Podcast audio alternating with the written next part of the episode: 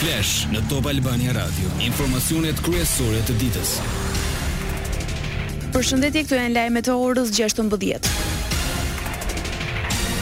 Qeveria po synon që të ndërtojë një qendër të gazit të lëngshëm në Vlorë. Kjo u theksua nga kryeministri Edi Rama, i cili pas dy samiteve të 28 dhe 29 shkurtit në Tiranë, udhëtoi drejt Azerbajxhanit si i ftuar nderi i presidentit Ilham Aliyev për të adresuar samitin e dhjetë të Korridorit Jugor të Gazit.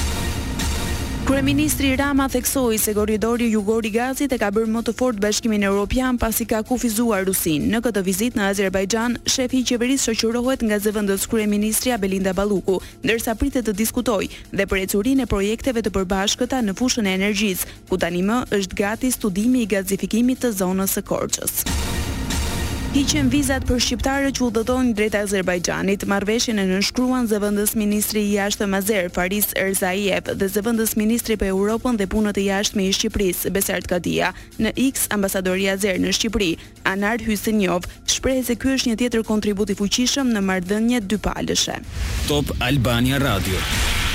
Letër Bashkimit Europian, shtatë vende mes tyre Greqia kërkojnë integrimin sa më të shpejtë të Ballkanit Perëndimor në Union. Letra mban edhe firmat e ministrave të jashtëm të Italisë, Çekisë, Austrisë, Kroacisë, Sllovakisë e Sllovenisë, Vend që kërkon zgjidhjen e çështjes Beleri për të mos bllokuar rrugën europiane të Shqipërisë. Në letër thuhet se ka ardhur koha për përparim vendimtar në procesin e zgjerimit të Bashkimit Europian drejt Ballkanit Perëndimor dhe se një kohë e qartë dhe e arsyeshme për pranimin e tyre në Union është më urgjente se kurrë. Po ashtu theksuan se mirëpresin planin e ri të rritjes për të cilin dje u mbajt një samit në Tiranë.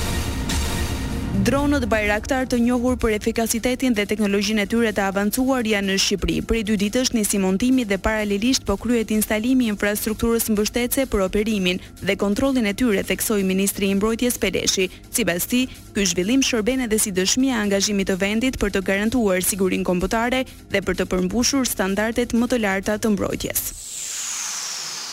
Lajmet në internet në adresën www.topalbaniaradio.com. Ish-ministri i Infrastrukturës dhe Energjisë Damian Gjiknuri u paraqit në SPAK. Ende nuk ka qëndrim zyrtar ose jo zyrtar mbi arsyet se përse deputeti socialist është thirrur nga prokurorët e posaçëm për të dhënë qëndrimin e tij. Mësohet se u paraqit në cilësinë e personit që ka dijeni mbi rrethana të ngjarjes, por nuk konfirmohet se për cilën nga dosjet për të cilat më herët është bërë publike paraqitja e tij dhe që qëndrojnë të hapura. Në godinën e SPAK-ut, Gjiknuri hyri në orën nëntë e shtatë minuta i pashoqëruar nga avokatë. Më herët, ai është pyetur për një dosje të denoncuar nga koha kur drejtonte Ministrinë e Infrastrukturës e Energjetikës e pas një auditimi, u konstatuan shkelje në investimet në rrugën Tiranë-Elbasan. SPAK-u disponon auditimet e Kontrollit të Lartë të Shtetit, që evidentojnë se shtetit shqiptar iu shkaktua një dëm i pallogaritshëm ekonomik. Operacioni policor ndërkombëtar i koduar, Klaster Midas, me hetime të shtrira edhe në Shqipëri vuri në lëvizje SPAK-un. Në fokus të këtyre hetimeve, vepra penale Evazioni Fiskal, e kryer në formën e grupit të strukturuar kriminal. Në shtatëmbëdhjetë shtete, përfshirë vendin tonë, u kryen më shumë se njëqind e tetëdhjetë kontrolle, si dhe u arrestuan katërmbëdhjetë shtetas. Duke krijuar fatura fiktive me qëllim rimbursimin e TVSH-së dhe shmangien e detyrimeve fiskale, llogaritet një dëm prej njëqind e nëntëdhjetë e pesë milionë eurosh. Nga kontrolli i pesë mjediseve në vendin tonë, u sekuestruan pajisje elektronike, u morën në pyetje disa shtetas, si dhe u siguruan provat materiale për aktivitetet e kryera në Shqipëri, nga subjektet nën hetim. Lajme nga bota. Me lule në duar dhe të rrethuar nga forcat e sigurisë, qytetarë të shumtë u mblodhën në rrugët pranë kishës Ikona e Nënës dhe e Zotit në Moskë për funeralin e kritikut të Kremlinit, Alexei Navalny. Babai, Anatoly dhe nëna Ludmilla ishin aty, por nuk bënë deklarata publike. Jashtë kishës, disa persona hodhën thirrje, Ekzekutues, Rusia do të jetë e lirë dhe jo luftës.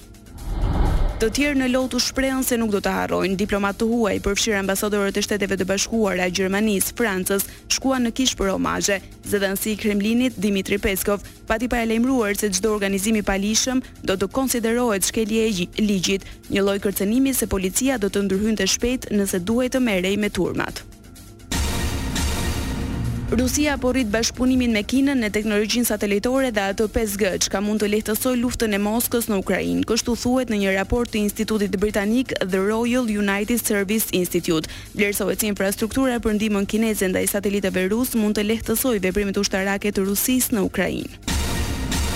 I shokuar nga vrasja e mbi njëqind personave që prisnin ndihmë humanitare në Gaza, shefi i Kombeve të Bashkuara, Antonio Guterres, Paralajmëroi se nuk mund të kërkohet hetim i pavarur. Duke folur në nisje të një samiti, Guterres nuk e fshehu tronditjen nga episodi i fundit në luftën Izrael-Hamas, që vijon prej shtatë tetorit të kaluar. Sipas autoriteteve palestineze, janë vrarë mbi tridhjetë mijë civilë. Në Iran janë hapur qendrat e votimit për herë të parë që prej protestave antiqeveritare të dy mijë e njëzet e dyshit. Zgjedhjet e sotme po konsiderohen si shumë të rëndësishme për legjitimitetin dhe mbështetjen kombëtare për lidershipin e Republikës Islamike ndonëse pritet pjesëmarrje e ulët, më shumë se gjashtëdhjetë e një pikë dy milionë njerëz kanë të drejtë vote. Janë mbi një miliard obezë në të gjithë botën, referuar gjetjeve më të fundit të publikuara në revistën shkencore Lancet. Në këto shifra përfshihen rreth tetëqind e tetëdhjetë milionë të rinj dhe njëqind e pesëdhjetë e nëntë milionë fëmijë sipas të dhënave të vitit dy mijë e njëzet e dy. Shifra më e lartë është në Tonga, ku shtatëdhjetë deri në tetëdhjetë për qind e të rinjve rezultojnë obezë. Parashikimi i motit. Dita e sotme do të vijojë me vranësira dhe me intervale e kthjellime. Vranësirat pasohen me shira, në mbrëmje reshjet humbasin territor duke u izoluar në relievet malore në verilindje. Temperaturat do të variojnë nga 6 deri në 23 gradë Celsius. Kjo ishte një përmbledhje e lajmeve kryesore deri në mesditë. Edicioni i radhës është në orën 17. Unë jam Armilda Mithasani. Kjo është Top Albania Radio.